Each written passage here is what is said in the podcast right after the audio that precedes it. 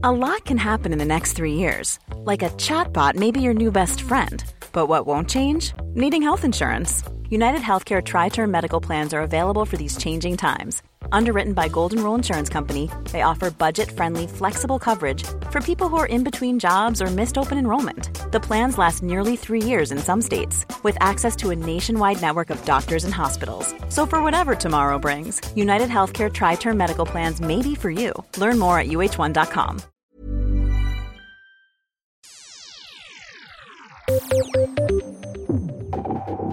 Atle Antonsen er politianmeldt for hatytringer, noe som har blåst nytt liv i debatten om straffelovens paragraf 185.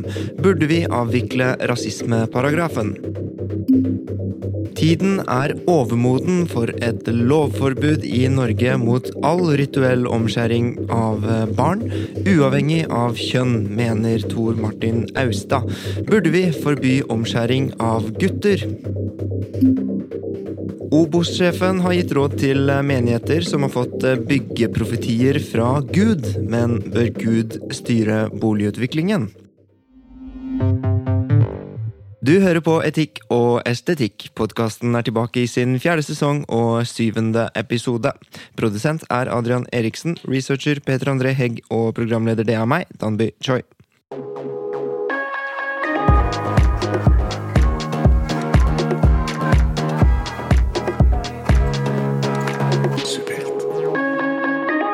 Med meg i studio har jeg siviløkonom og idéhistoriker Mathilde Fasting. Hun jobber til vanlig som prosjektleder i den liberale tankesmien Civita. Der er hun ansvarlig for Civitas ukentlige podkast Liberal halvtime, sammen med Eirik Løkke. I Civita skriver hun også om alt fra borgerlønn til arveavgift, sosial mobilitet og mye mer. Fasting har skrevet flere bøker, som Borgeren og fellesskapet, som kom ut i 2015, og Valgfrihet, som kom ut i 2013. Siviløkonomi Utdanningen tok hun på NHH, idéhistorieutdanningen fra UiO, og i tillegg så har hun en doktorgrad i statsvitenskap fra universitetet i Erfurt i Tyskland om den norske juristen og økonomen Torkel Aschehoug. Velkommen så mye til deg, Mathilde Fasting. Tusen takk. Litt av en CV. Hva gjør hva, Også forskjellig også. Du er både idéhistoriker og siviløkonom og statsviter. Hvorfor, sauser det sammen. Hvor, ja, du bare sauser det sammen. Hva, uh, hvorfor ble du liberal?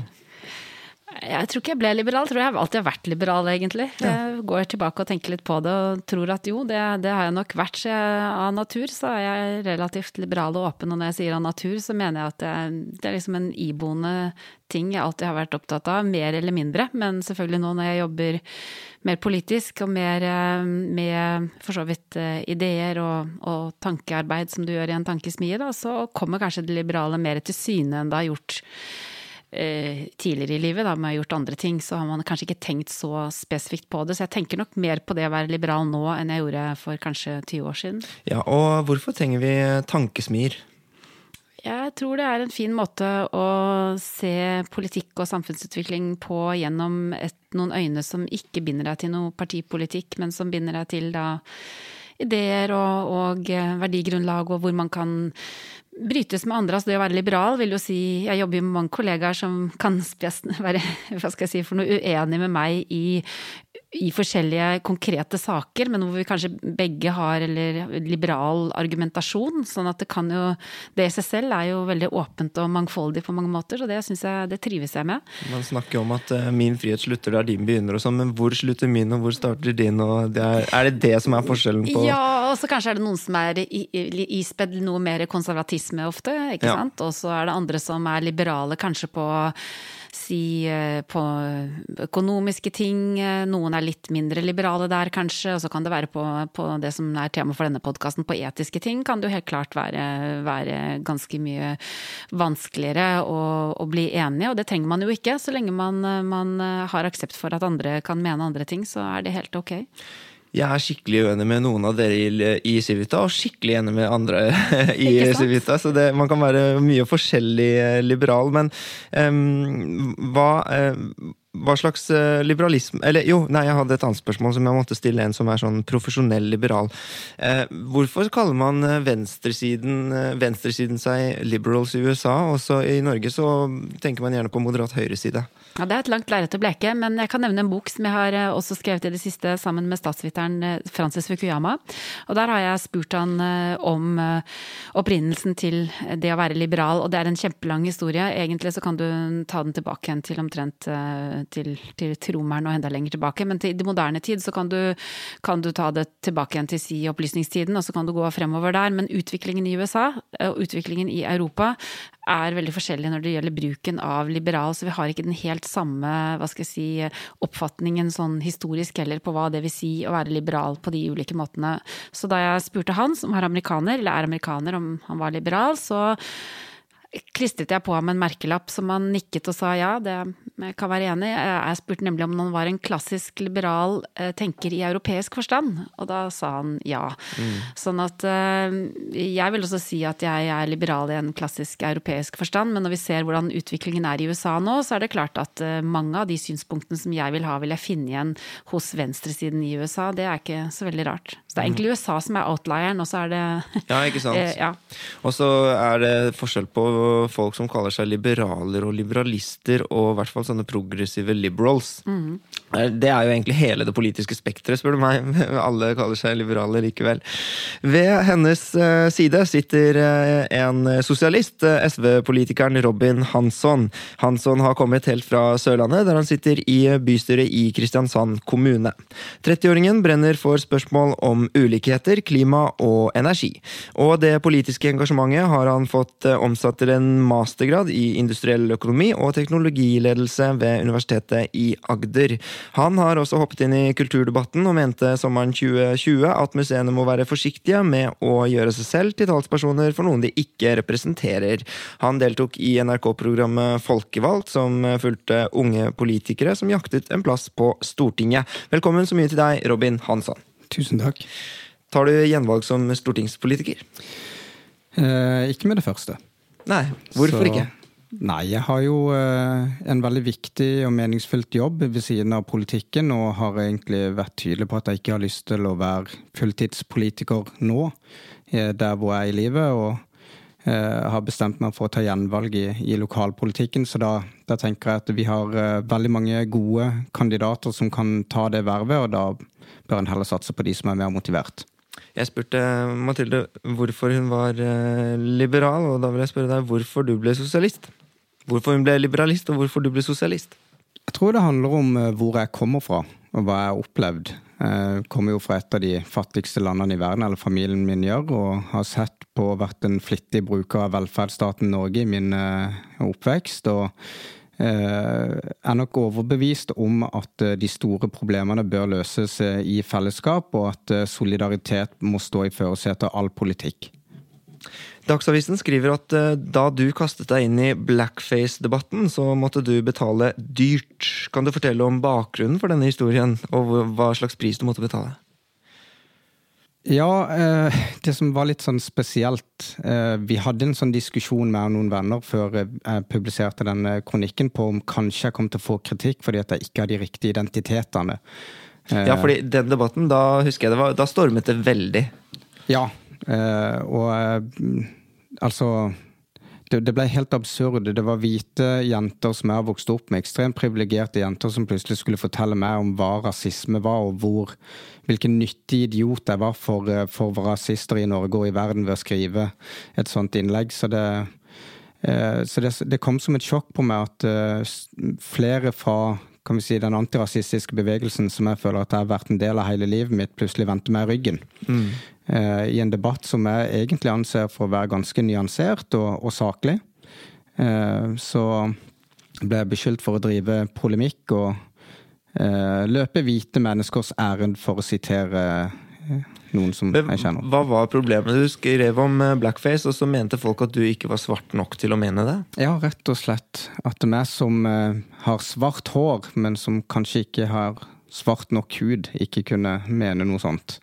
Jeg har jo vært i noen sånne debatter selv, og det er jo helt rart. Nå skal vi jo snakke om både feminisme og omskjæring og sånne ting etter hvert. Det må da være mulig å snakke om uh, Er det ikke det som er rasisme, da? Hvis man sier at man må kvalifisere gjennom hudfarge til å snakke om noe? Jo, definitivt, og det er en veldig farlig vei å gå, tenker jeg, for det offentlige ordskiftet, og at man skal ekskludere folk fra å kunne delta i viktige debatter fordi man ikke har de riktige identitetene.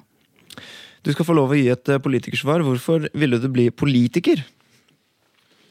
Eh, det kan du takke Erna for. Jeg trodde okay. at eh, Jens eh, nei, Støre skulle bli statsminister i 2017.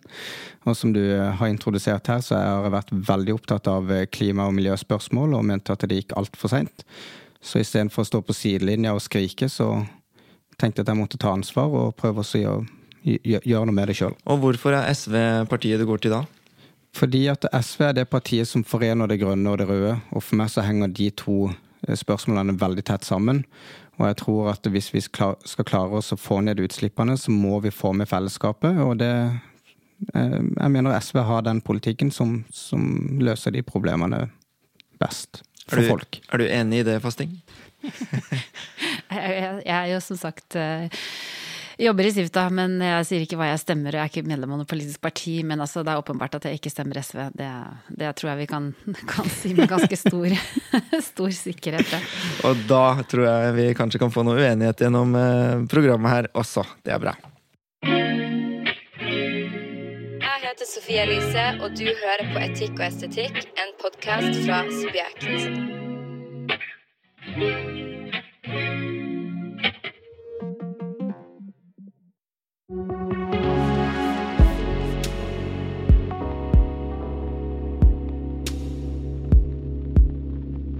Atle Antonsen er politianmeldt for eh, hatytringer, noe som har blåst nytt liv i debatten om straffelovens eh, paragraf 185, også kjent som rasismeparagrafen og hatytringsparagrafen. Burde vi avvikle denne paragrafen, eh, Mathilde Fasting? Jeg har tenkt litt, og siden du Ja ber om et ja eller nei, så har jeg tenkt å svare ja, faktisk. Ja, burde vi avvikle rasismeparagrafen, Hansson?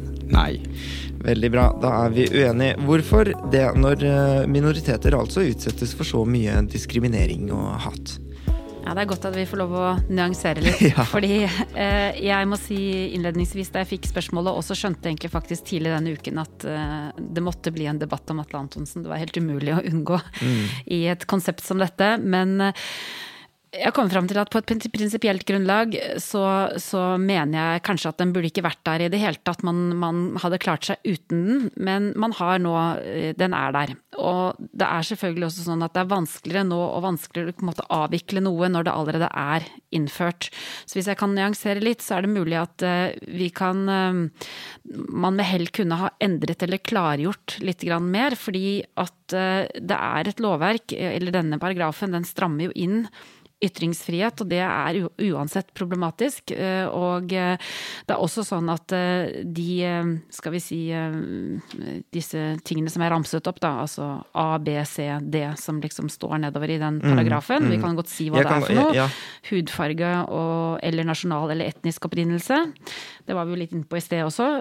Religion og livssyn, eller livssyn. Homofil, homofile orienteringer eller nedsatt funksjonsevne. Og alle de tingene der er selvfølgelig grupper som, som vil kunne bli utsatt for eh, hatefulle ytringer, slik det står i loven. Og det står også en annen ting at de skal Det er ikke bare at du skal eh, hatefulle ytringer, men det er, så du kan også det å forhåne noen eller ringakt, vise ringakt overfor noen, det er også eh, begreper i loven som kan gjøre det ganske vanskelig å, å, å finne ut om den skal benyttes eller ikke. Og sånn som det er nå, så vet vi at saken med Atle Antonsen, det vet vi i dag, selv om jeg ikke har gått innpå bare hørte i går av nyheten at er, er henlagt. Ja, og det er jo da fordi at statsadvokaten har vurdert det slik at eh, de kommer til å tape en rettssak om de tar den Nettopp. til retten. Ja. Eh, Men, men eh, det er jo ingen ytringsfrihetsforkjempere som er for noen absolutt ytringsfrihet. Og grensen går jo et sted. Trusler antar jeg du ikke, Ja, altså, mener skal være lovlig. Du har, også, du har jo andre ting, da, som, som så det er Straffeloven har jo flere paragrafer mm. som kan benyttes, og særlig hvis det Sånn som her, hvor det er klart at, at først så er det sagt noen ting, men så Og nå vet jeg ikke, jeg har ikke verken bare lest det jeg har lest i pressen, men liksom hvis du begynner å ta folk i armen eller begynner å dytte dem ut eller gjøre fysiske ting, da, så går du jo over til aggressive handlinger som, som kunne ende i slagsmål eller andre ting. Og da har man jo andre ting i loven mm. som helt klart kan komme til, til til anvendelse, slik at man må ikke koble rasisme eh, på det for å kunne reise en sak, og hvor rasisme selvfølgelig vil være en del av det hvis det var det som var tilfellet. Og det igjen er jo også, som jeg sa, eh, vanskelig å avgjøre hva er det bare fordi du har kommet med en rasistisk ytring, altså si at hun ser eh, Hun var for mørkhudet til å være på dette utestedet. Eh, eller om det er at du, du, du er en slags organisert rasist som, som, rett og slett er rasist, og som har, driver med aktiviteter som, som helt altså F.eks. starte et rasistisk parti, eller gjøre et eller annet sånn veldig mye mer enn en, en, sånn ytring som dette, som, som kanskje, i hvert fall sånn det fremstår, jeg vet ikke hva Atle Antonsen gjør for øvrig, men, men, det er klart at han, han, han har jo alles øyne tråkket over streken her. Men er han mm. rasist av den grunn eller ikke, det er veldig vanskelig å svare på. Men eh, kan man ikke Hva er det du mener vi mister, da, ved å ha, ved å ha en sånn lov? Ja, altså du mister Du, du, eh, du kan miste eh, Altså det, det å det å ytre seg eh, i å bruke både, sånn som han sier her, ironi, satire, eller i det hele tatt eh, bare ytre seg på en dårlig måte, eh, det må folk få lov til å gjøre. Og så er spørsmålet hvor går den grensen for hvor utrert og hvor forferdelig dårlig det kan bli før du, før du sier at du har gått over en eller annen strafferettslig grense. Og så tror man at ved å ta denne loven, så skal du kunne klare å lage det skillet, men det er veldig vanskelig. Og historisk så ser vi også at eh, det har vært sagt og gjort i forskjellige kontekster kontekster også bakover i tid. I, ting som du ville steile helt av i dag. Så ting endrer seg jo, og gruppene som kanskje blir utsatt for dette, kan endre seg. Og, og det du da taper her nå, det er at eh, det å drive kritikk, eh, drive det selvfølgelig helt utilbørlig, vil mange si på mange områder, eh, da vil du kanskje kneble folk, eh, og folk vil bli, eh, bli engstelige for å, for å, si noen ting. Og det er ikke noe godt hvis, du, hvis det blir eh, den typen samfunn hvor vi da lar være å ytre oss. Atle Antonsen hintet om at det kanskje kunne ha vært en spøk han prøvde seg på, selv om det ikke var noen unnskyldning, hvilket han presiserte. Um, tror du man kan Eh, ha en hatytringsparagraf og samtidig eh, både plass til god og dårlig humor? Ja, men det kommer jo litt an på åssen den hatparagrafen er formulert. Mm. Og jeg er jo enig her eh, med at det, sånn som den er formulert, at det har noen uheldige slagsider. Eh, så jeg sier altså, Hva slags formuleringer da? Nei, blant annet dette med ringeakt og, og uh, forhåning. Mm. Jeg mener sånn, religion Det finnes ekstremt gode grunner for å ha forakt for religion, mm, mm, etter mm, mitt skjønn. Mm. Eh, og i et eh, sekulært og opplyst samfunn så må det være rom for å kunne latterliggjøre religioner og, og forhåne religiøse kan vi si, tanker og uh, meninger. Eh, så så det som jeg ser på som en sånn mulig fallgruve med sånn som den er formulert i dag, at rasismeparagrafen i sin ytterste Altså, det må ikke bli et juridisk instrument for bl.a. blasfemi. Mm. Det, så, så, jeg er enig i at vi Jeg syns vi bør definitivt ha en rasismeparagraf. Uh, når vi ser hvor destruktivt uh, hvor destruktive eller alvorlige konsekvenser dette får for enkeltmennesker som opplever det. Uh, dehumanisering av mennesker ord er ikke bare ord. Jeg tror vi alle sammen er enige om det, så jeg tenker gå inn Eh, ta hele den regla der. Men for å gi deg et litt sånn flåsete svar på situasjonen med Antonsen, jeg tenker det kunne vært vel så formålstjenlig hvis noen bare hadde gitt han en på trynet, enn at det skulle endt opp i, i, i retten. Altså, det er sånn man ikke kan si høyt, men som Bernt Hulske, for eksempel. Det, vært, det, altså, det skaper jo mye større og verre og skadelig presedens at han havner i fengsel, enn at han bare får seg en på trynet. Jo, ikke sant, men dette her er en veldig eh, interessant eh, problemstilling eller grenseoppgang. Eh, for det første så syns jeg ikke at det skal være straffbart å oppføre seg som en drittsekk. Og det er jo litt av problemet med den hatparagrafen, at han åpner litt for det.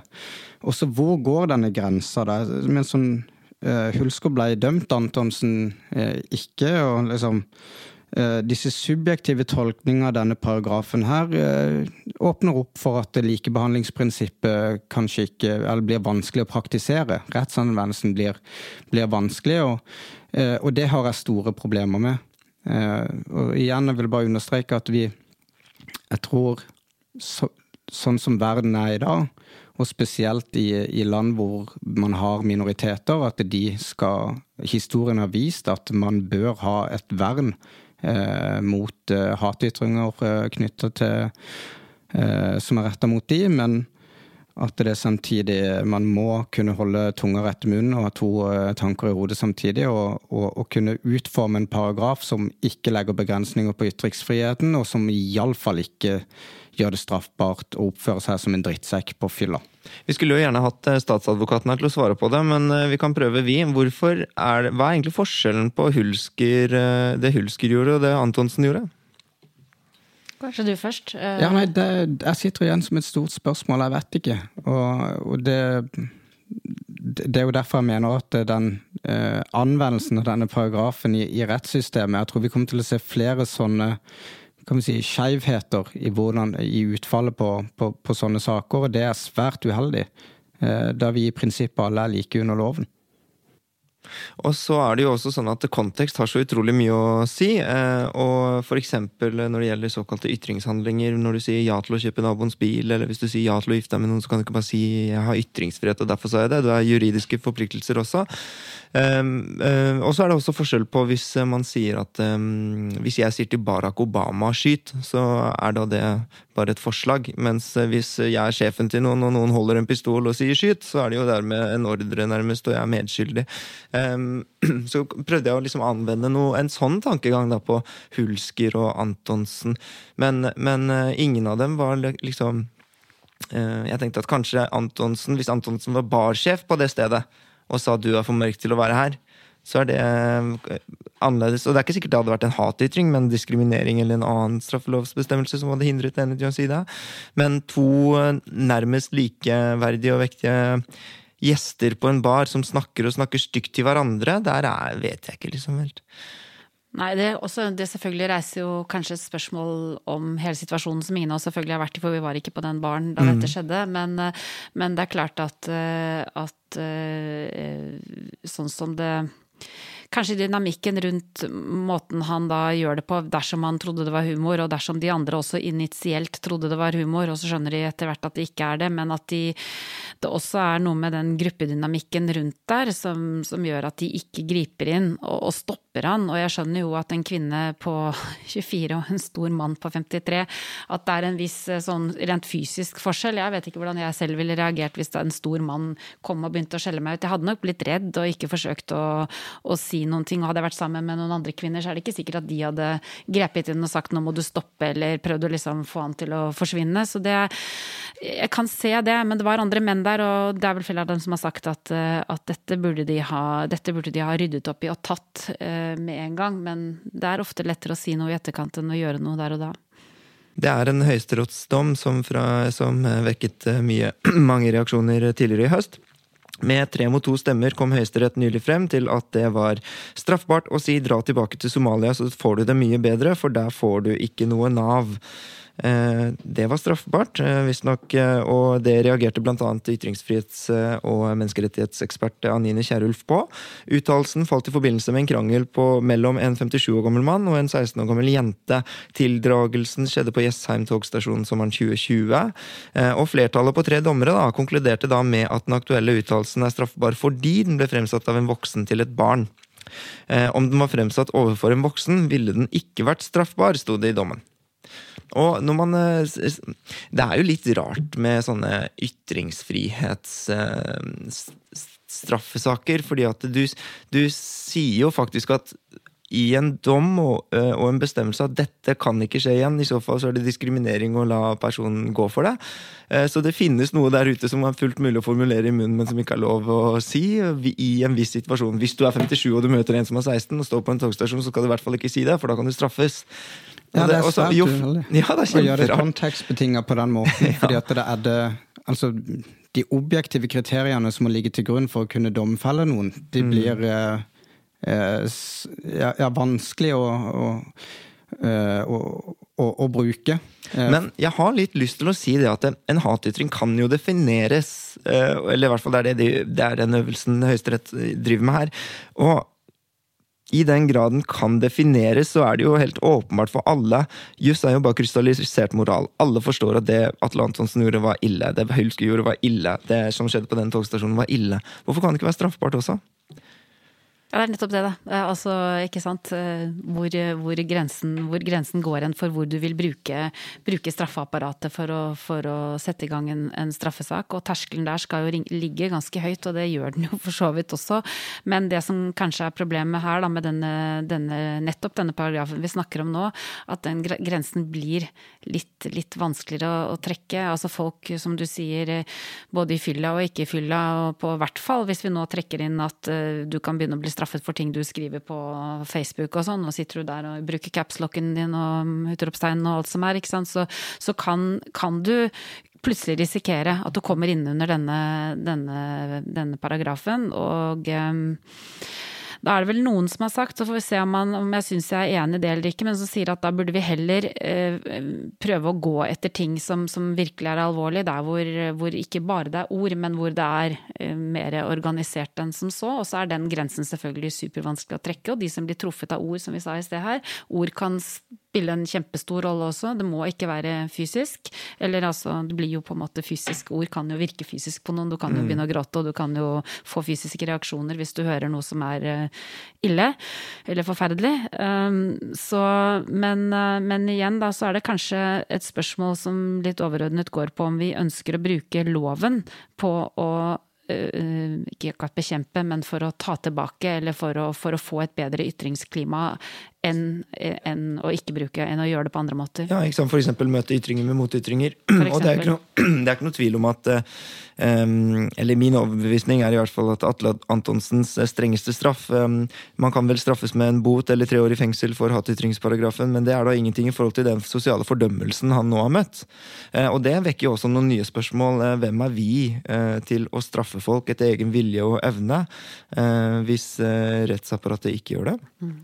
Um, jo, at dette har et klasseaspekt også kan det ha. fordi at de, disse som har um, gaffateipet capslock-knappen nede, og ikke kan de tegnsetting og ikke kan de rettskriving heller. Men ofte de som bruker hatytringer og skriver stikk tilbake til Somalia, liksom de, her, de er jo egentlig Det er ikke eliten. Nei, det kan man trygt si. Og, og, jeg, husker, og jeg husker at det, da Lan Marie Ngoien Berg skulle drive og politianmelde alle som hadde skrevet stygge kommentarer, kommentarer om henne i kommentarfeltet, så husker jeg tenkte sånn Know your place. Du sitter der i um, Du har laget en sykkelvei fra Ensjø til Rådhuset, for du bor på Ensjø og jobber på Rådhuset, opplever de i Nord-Norge og har fire timer til, uh, til um, nærmeste sykehus da, i bil. Så skriver de liksom 'jævla fettekjerring' i kommentarfeltet, liksom, og så i capslock. Og så tenker jeg jo ja, det er en stygg kommentar, og det gjorde de bare fordi de var kvinne. De kommenterer hudfarge, alt dette er helt utenfor. men balans, maktbalansen er jo helt eh, altså det, det var så smakløst, husker jeg, da, da hun liksom pekte og sa sånn ja, fengsel, fengsel, fengsel liksom på disse menneskene. Hun er en maktperson. Og det, og det følger jo med, selvfølgelig. Altså offentlig. Hun, hun, hun, det gjelder jo alle som kommer inn i ulike posisjoner, eller har ulike altså Det gjelder jo type, Vi vil ikke snakke om metoo, men det gjelder jo i alle sånne relasjoner hvor det er eh, asymmetriske maktforhold. Mm. Og den som sitter på toppen da, må, som du sier, tåle en god del mer. Eh, Selv om det ikke er bra at eh, den politiske debatten blir sånn, det er, men det er egentlig en annen sak. Men Mm. i en sånn posisjon så, så må, du, må du det. Men, men her så er det jo altså Antonsen og, og um, Sumaya, de er, jo, altså de er jo egentlig på lik linje. De, Mm. Den ene er eh, poet og skribent og kjent, og den andre er eh, komiker. Og de sitter egentlig på et utested hvor begge har valgt å gå. eh, Og, eh, og så plutselig oppstår dette. Så her, der er egentlig, selv om hun er kvinne 24 og han er mann 53, så vel det er er- ikke sikkert Hun det er er så svart stor forskjell. kvinne 24, han er hvit mann 53 med enormt høy både kulturell og so sosial status i samfunnet. Eh, Så jeg vil jo si at det er en, det er en voldsom asymmetri mellom de to, selv om de begge to er, er kjent, er offentlige personer. Det, var, det, var, det er i hvert fall god grunn til å tro at situasjonen var truende. Eh, Absolutt. Og at det skildret hun egentlig ganske godt. eh, Litt sånn mistenkelig eh, mye skildring, syns jeg. Men eh, uansett så er det ikke langt fra den høyesterettsdommen eh, på 57 og 16 og det som skjedde der på 53 og 24. Eh, Jo, men det er en ganske stor forskjell mellom det å være 16 og det å være 24, vil jo jeg si. Ja. Um, og så kan man jo si at det er der man trekker grensa. Uh, men igjen, det åpner opp Pandoras eske. Altså, man vet jo med denne si, henleggelsen eh, som vi mm, fikk i går, og den domfellelsen av, av Hulsgaard, så er det ikke klart for meg hvor den grensa går. Eh, og det syns jeg er dypt problematisk. Så, så, her har vi en stor jobb å gjøre i å rydde opp i regelverket, og det er jo derfor den paragrafen sånn som man, ordlyden er nå, eh, bør, bør, endres, sånn at han blir mer spesifikt og er ment å forhindre det han eh, Eller beskytte de han skal beskytte, og ikke bli et instrument for å straffeforfølge folk som oppfører seg som idioter i fylla, eller eh, folk som ønsker å spotte religion, f.eks. Gitt at eh, La oss si at hatytringsparagrafen eh, avvikles, eh, eller at denne saken henlegges, sånn som den ble gjort, og man heller skal finne andre måter å på en måte irettesette og utvikle debatten på, da, og helst unngå slike situasjoner. Hvor langt kan vi gå i å sosialt fordømme det Atle Antonsen gjorde? Ja, igjen, Det er jo et kjempevanskelig spørsmål, selvfølgelig. fordi noe av det som, som er farlig med sosial fordømmelse, eh, hvis veldig mange mennesker, inkludert eh, mennesker som kan skrive, snakke, viser seg fordømmer, så kan jo Og han mister jo jobb. Ikke sant? Kanselleringskultur heter det. Ja, kanselleringskultur. Det er Eh, noen eh, opp gjennom tidene, og ikke så lenge siden, har jo gjort, eh, opplevd å bli uthengt offentlig, som på en måte blir det du da blir, og det har endt med selvmord. Og så har man etterpå snudd seg rundt og sagt ja, men klarte ikke vedkommende. Det har vært maktpersoner som har hatt høy status ofte, sånn som han for så vidt er. Og sier ikke at vi skal ta han til forsvar på noen måte her, men fordi Men det å overlate til at du får en sånn, skal vi si, massiv fordømmelse av av et menneske på den måten. Da skal i hvert fall de som, som snakker, trå litt forsiktig, tror jeg, og prøve å, å, å tenke gjennom eh, hvis det går på, på, helsen løs, hvis jeg kan si det sånn. Ja, fordi at rettsapparatet er jo rett og slett bare en profesjonalisering av dette. Det er, ja. så, så, det er jo liksom sånn eh, og bare, De er bare proffe på forholdsmessighetsvurderinger og sånn, men når vi går i flokk, og vi ikke minst har godheten på vår side, og skal kjempe mot det onde og ondskapen og Nei, det er ingen forholdsmessighet i, i, den reaksjonen som nå kommer mot Atle Antonsen. Jeg prøver ikke å uh, unnskylde noen ting av det han har gjort, men han har fint klart å begå et karakter selvmord. Og for en mann i hans sin posisjon, så, er jo det en veldig, har jo det alvorlige konsekvenser eh, for han. I tillegg til at han fikk en politianmeldelse på seg. Eh, og han mister venner i øst, nord, sør og vest. Har jo sjelden sett så mange ta så tydelig avstand, og tilsynelatende folk som står han nær. Men det jeg også reagerer på, er at hvis jeg skal bruke mine sosiale medier som et vitnesbyrd, Eh, er jo at folk bruker denne episoden som et springbrett for å kunne ta stilling til om, altså hva man kan tillate av eh, rasistiske ytringer, og hva man ikke kan. Eh, og det syns jeg er utrolig ufortjent at man skal legge den på skuldrene til Atle Antonsen. Her burde man finne veldig mange andre eksempler til å ta disse vurderingene og ta et tydelig standpunkt, istedenfor å se sitt snitt og bruke en sak hvor det er åpenbart at noen har begått en feil, til å eh, ja, rett og slett sparke en mann som ligger nede. Yo! Det er Uge Marstein eh, her, fra Undergrunn Klikk. Du hører på Etikk og estetikk av Subjekt. You know the shit.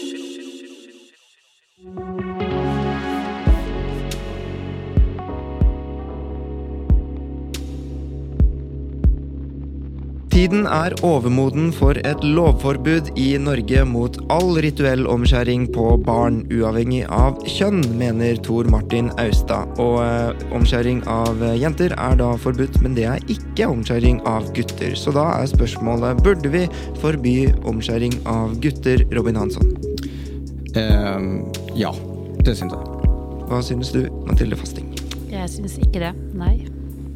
Veldig bra at vi får eh, såpass uenighet. Vi begynner hos deg, Robin Hansson. Eh, hvorfor eh, burde vi forby dette? Først så må man jo se på begrunnelsen til hvorfor man ønsker å tillate omskjæring av gutter. Det er utelukkende eh, et religiøst og kulturelt fenomen. Eh, og jeg syns ikke man skal påberope seg, påberope seg Gud til å rettferdiggjøre noe som helst i et liberalt og sekulært og opplyst samfunn. Men det, jeg tror ikke det stemmer helt, fordi det finnes to grunner til eh, at man omskjærer gutter. Og det finnes medisinske grunner og Ja, religiøse, men vi kulturelle. om stor skala. I, Ja, i, ja. Altså, eh, det, det, er hoved, det er hovedsakelig et religiøst og kult, eh, kulturelt fenomen. For vi, Mm. ja, bare sånn at det er sagt. Um, og jeg, jeg kan ikke Altså, hvis man Tenk hvis jeg hadde kommet til deg og sagt, eh, hvis du var lege, og sagt at eh, nei, eh, jeg tror på åsatru, og at det var en eller annen doktrine om at tordenguden Thor ville at jeg skulle fjerne lilletåa til, til babyen min, så hadde du jo tenkt at det, det var noe alvorlig galt med meg, at det er noen vrangforestillinger. Ja, Men du hadde ikke fått gjennomslag for det i dag. Nei, Nye, men, nei. Ikke sant? men det er ikke et argument bare fordi at noen har en historisk tradisjon, så er ikke det et argument for at man skal videreføre det. Dette er snakk om et eh, fysisk inngrep blant barn som har veldig, eh, kan vi si, eh, li, liten eh, vitenskapelig forankring. Eh, De medisinske grunnene som, som man på en måte lener seg på, de er ikke-eksisterende etter mitt skjønn. og eh, Da må man være ærlig på hva dette handler om. Dette her handler om, om overtro, og overtro bør ikke eh, være et argument for å gjøre unødvendige kirurgiske inngrep på barn. Du mener likevel at eh, vi ikke skal forby dette. Hvordan forklarer du det? Da blir jeg kanskje, hva skal jeg si, jeg vet ikke helt, konservativ. Jeg i hvert fall, eh, i hvert fall ser at eh, de eh, Det er et rituale som er mange tusen år gammelt for en del Du er bare liberal, du. Du hørte forbud og tenkte nei. Ikke sant? Det klikket inn. Eh, nei, jeg tror at altså det, den gruppen vi snakker om her, spesielt da, det er en jødisk befolkning som gjør dette her, og som har gjort det i, i eh, selvfølgelig, som er riktig sagt her, at det er religiøst eh, betinget. Gjør ikke alle muslimer det òg? Ikke Jo. alle, men en Mm, del gjør det. Mm, mm. Mange. Mm. Og, og ja, altså i hvert fall, det er religiøst. Mm. For så vidt eh, kan man si kulturelt betinget også. I Norge er det jo veldig uvanlig. eh, Den eh, det, Ikke noen religiøse eller eh, historisk-kulturelle årsaker til at nordmenn skulle være eh, eh, omskåret. Mens eh, den jødiske befolkningen, der vil, vil alle være det. vet man jo også fra de mest brutale, groteske tingene når det gjelder jøder, at man kunne se det eh, enkelt, fordi at det var synlig hvis man ba folk om å kle av seg. Så det er klart at det, det, det er allikevel sånn at dersom de ikke skulle få lov til å gjøre dette, basert på Det kan gjerne være overtro i utgangspunktet, eller eh, religiøse begrunnelser som man i dag i et sekulært samfunn ville si er helt eh, skal jeg si, det, dette her høres, høres helt merkelig ut, hvorfor all verden?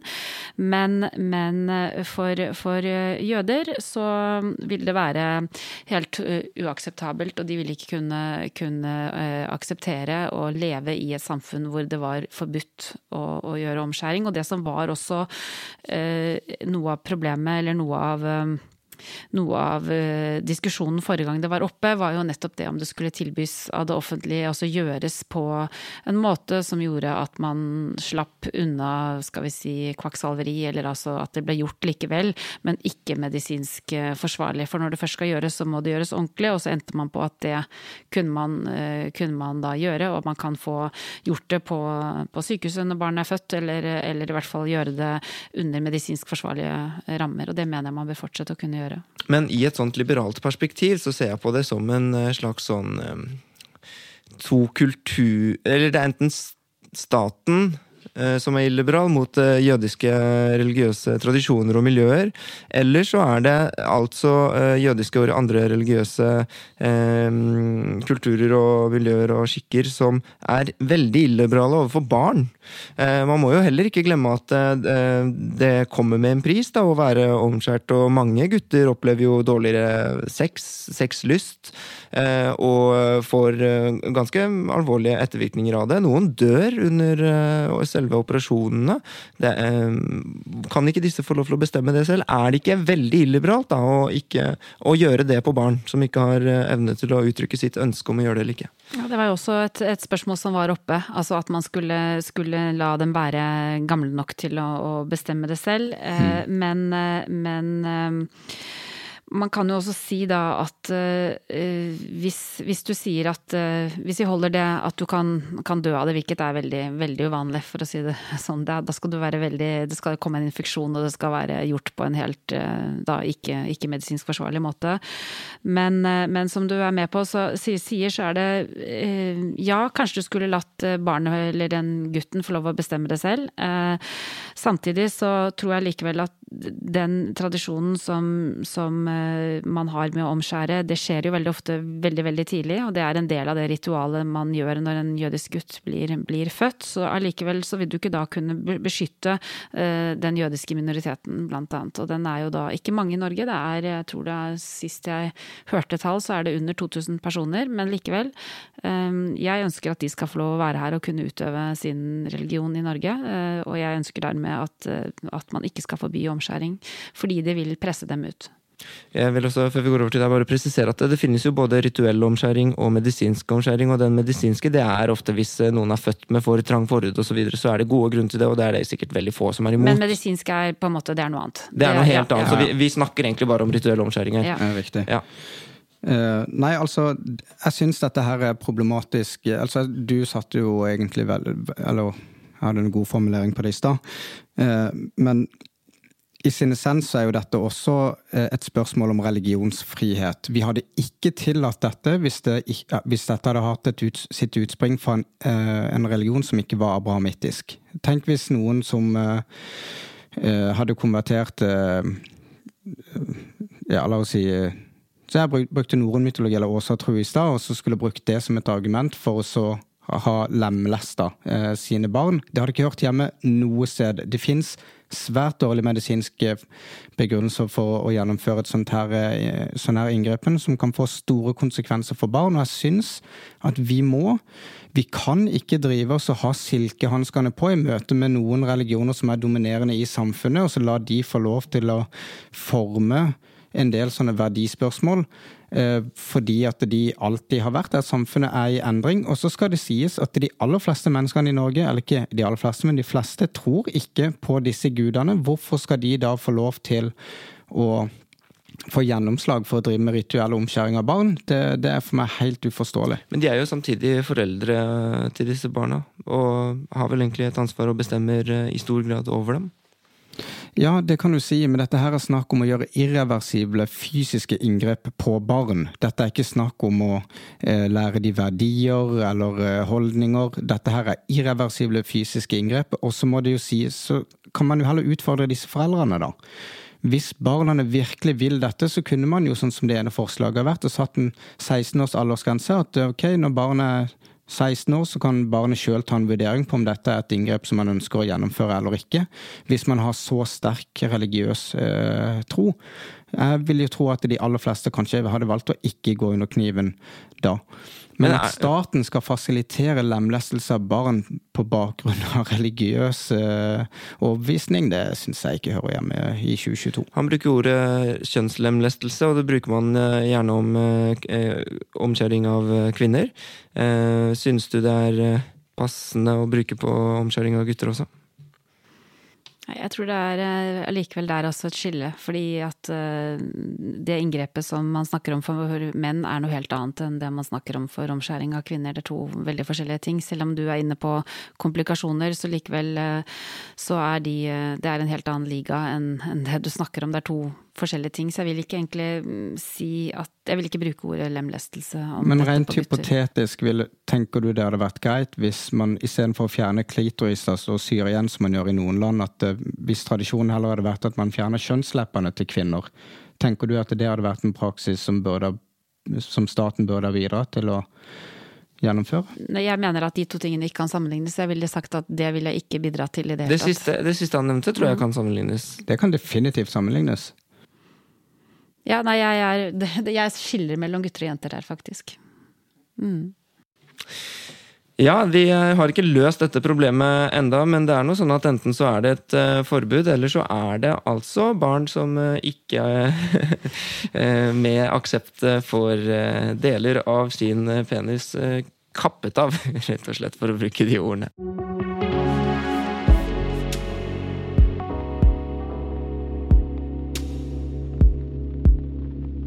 Obos-sjefen har gitt eh, råd til eh, menigheter som har fått eh, byggeprofetier fra Gud. Men bør Gud styre boligutviklingen, Mathilde Fasting?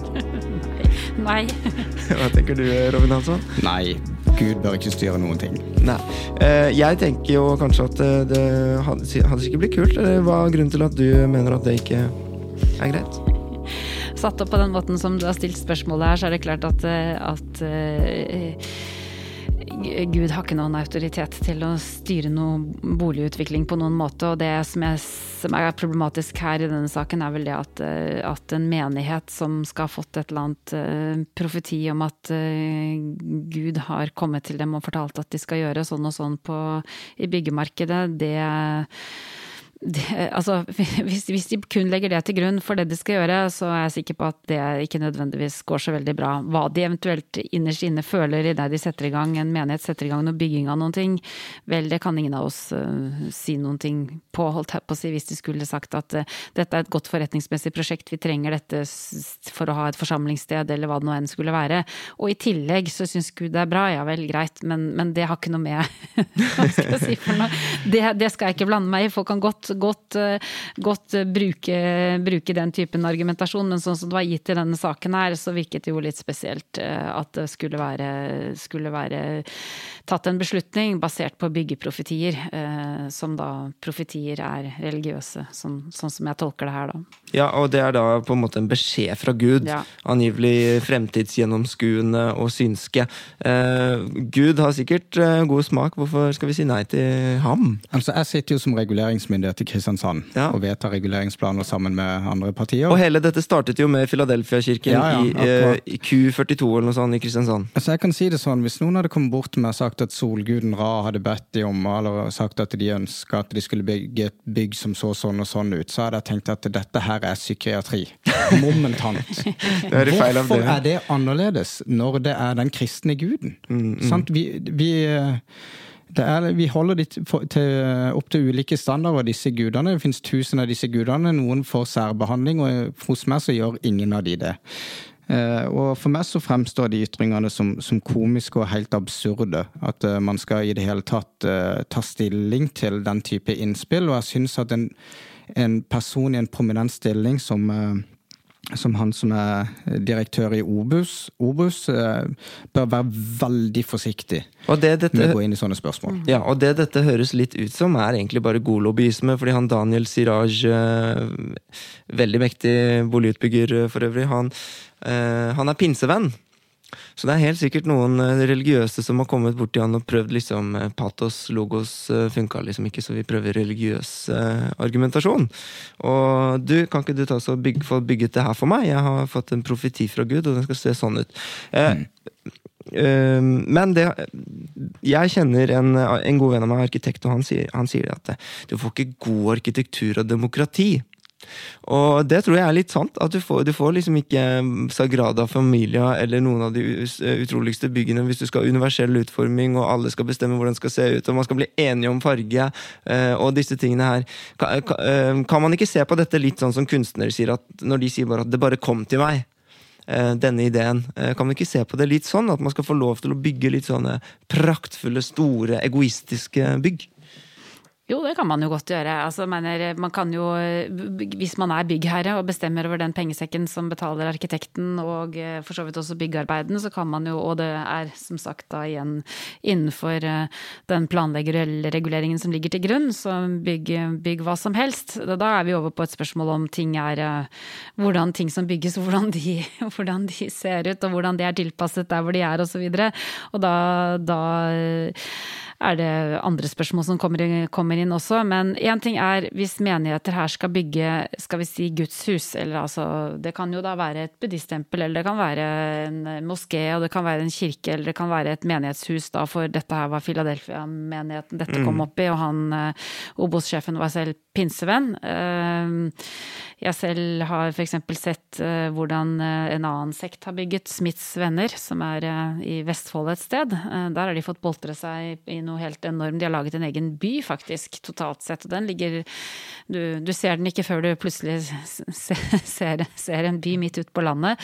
og det er klart at, at hvordan de bygger der, hvis de, de, har kjøpt opp og eier da hele, hele området, så det er nærmest blitt en ny by ved siden av et helt annet normalt tettsted langs kysten. Men igjen, eh, hvis, og hvis det var profetiene de hadde fått eh, fra Gud, at Smiths venner skulle etablere seg der med alt dette her, så, så det er på en måte innafor hva jeg syns om det, eh, eller, eller hva, vi, om, hva vi tenker om at det er Gud som har gitt dem en beskjed om at her skal dere lage et plass på jorden for oss. Vel, så lenge de er innenfor eh, en plan- og bygningslov, og de ikke har brukt sånn som her, hvor det kanskje hintes litt om at eh, Obos-sjefen, som var sterk og mektig, ble ikke brukt, men, men liksom fikk en sånn ekstra religiøs dimensjon for å kunne være med på et byggeprosjekt. Det er jo ikke greit. Men, men hvis det bare var vanlige politikere i et kommunestyre som ga lov til å bygge noe basert på Gud, som jeg sa i sted, så, så, så, så bygg vei. Men, men, dette her med Gud, å bringe det inn i argumentasjonen til søknaden for byggeprosjektet, det tror jeg ikke hadde, alle, du som får alle, sånne søknader, hadde sett en strek over. hadde det hjulpet?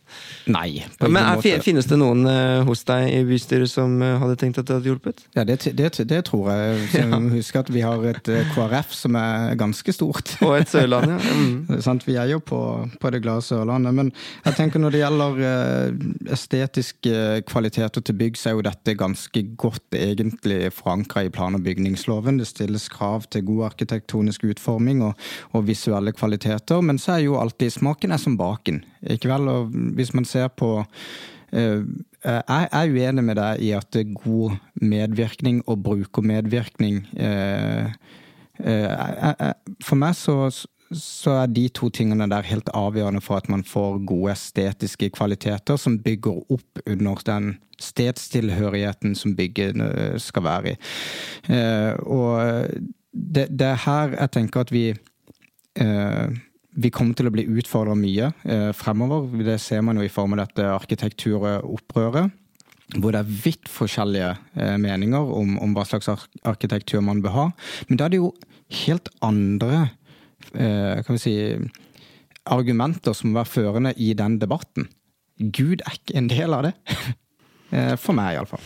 Nei, men det, det, det, altså det, er ikke vanskelig å være enig. Vi svarte jo nei begge to på spørsmålet i utgangspunktet. Men hvis du skal diskutere hva som er god arkitektur, eh, så, så har jeg faktisk tenkt en del på at eh, Du sa at smaken er som baken.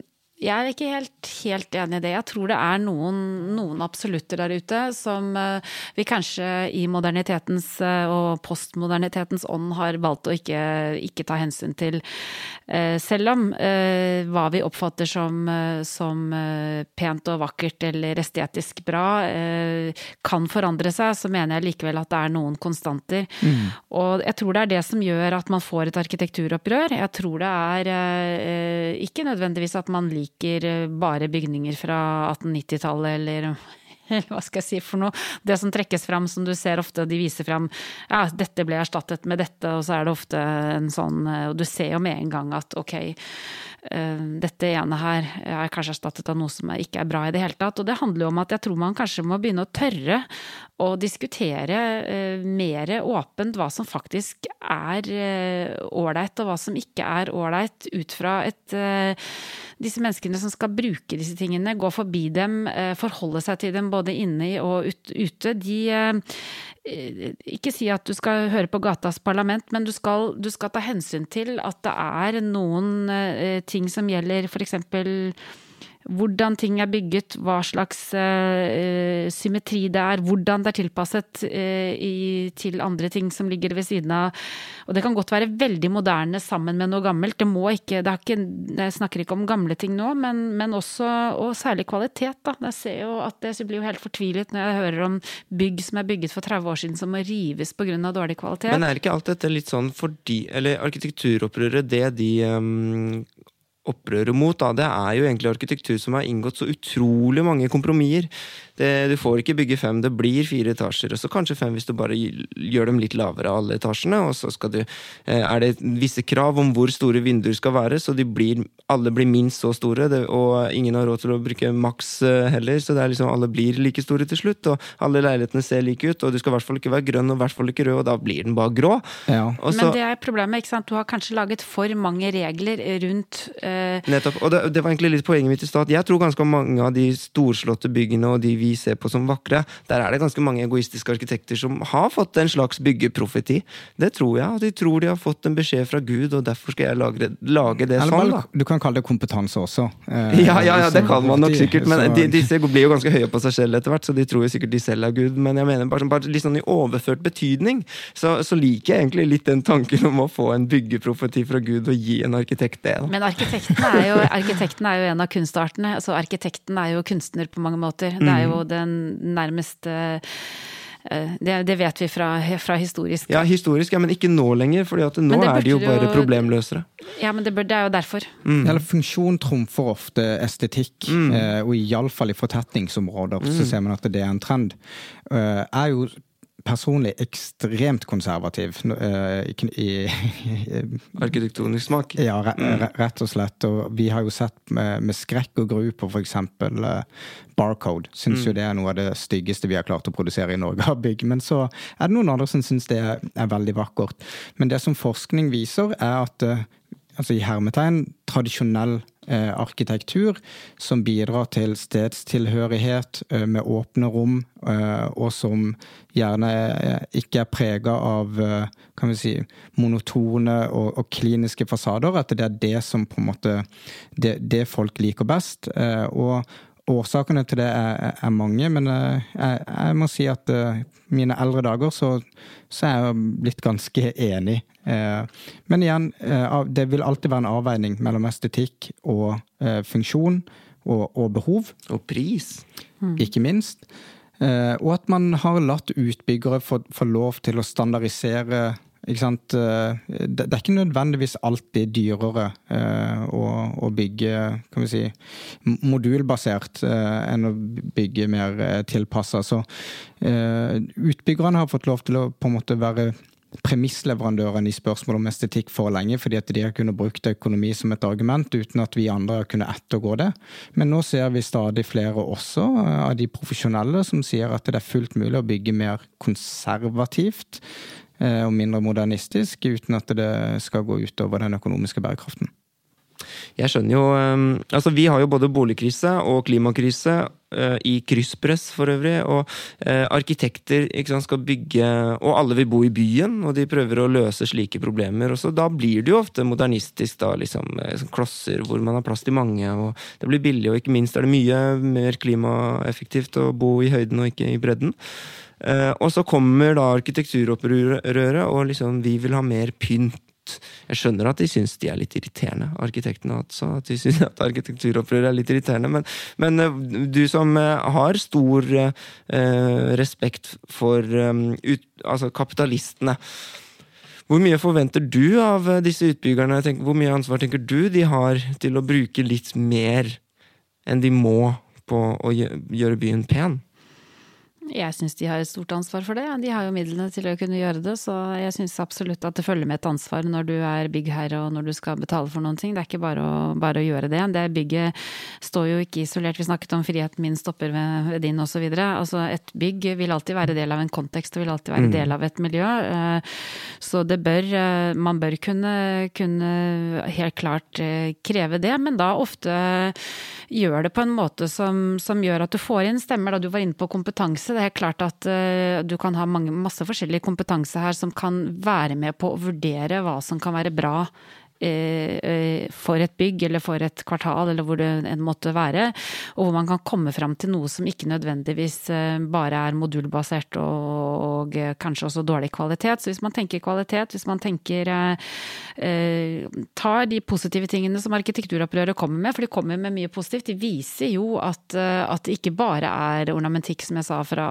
1890-tallet, men, men, helt klart modernisering av uttrykk som, som både kan være funksjonelle og bra, men som ikke trenger Altså som, som snakker til, til, både til øynene som ser og til de som bor der på en helt annen måte. Det går an å løse ting på veldig mange måter, og det går an å løse ting på bra og dårlige måter. Og her er det nok, eh, som jeg sa, når du da klarer å lage ting som går i stykker etter 30 år, så har du gjort noe gærent i utgangspunktet. Høres eh, ut som noe ikke Gud har bygget, i hvert fall. I hvert fall ikke den Gud de eh, holder så høyt. Nei, ikke Gud. og med det så har jeg lyst til å si tusen takk for besøket, Mathilde Fasting og Robin Hansson. Tusen takk. Takk. Du hører på Etikk og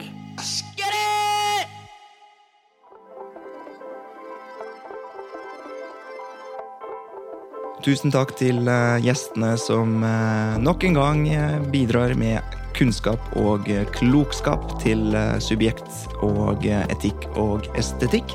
Vi er tilbake om en uke med nokså stjernespekket gjesteliste da også, og for øvrig som vanlig. Vi håper at du kan følge oss der hvor eh, det er relevant. På Facebook så har vi også en egen eh, Facebook-gruppe som heter Etikk og estetikk. Der diskuterer vi samtaleemner som er relevant for podkasten, rett og slett. Eh, og for subjekt, selvfølgelig. Det er også veldig hyggelig om du kan legge igjen en sånn stjernerangering på Apple Podkaster, om det er der du hører på oss, eller anbefaler podkasten videre til den eh, du eh, ønsker å gjøre det til. Ellers så har jeg lyst til å si tusen takk til eh, Fritt Ord, som siden start har støttet Subjekt, men også podkasten Etikk og estetikk, og spesielt sesong fire.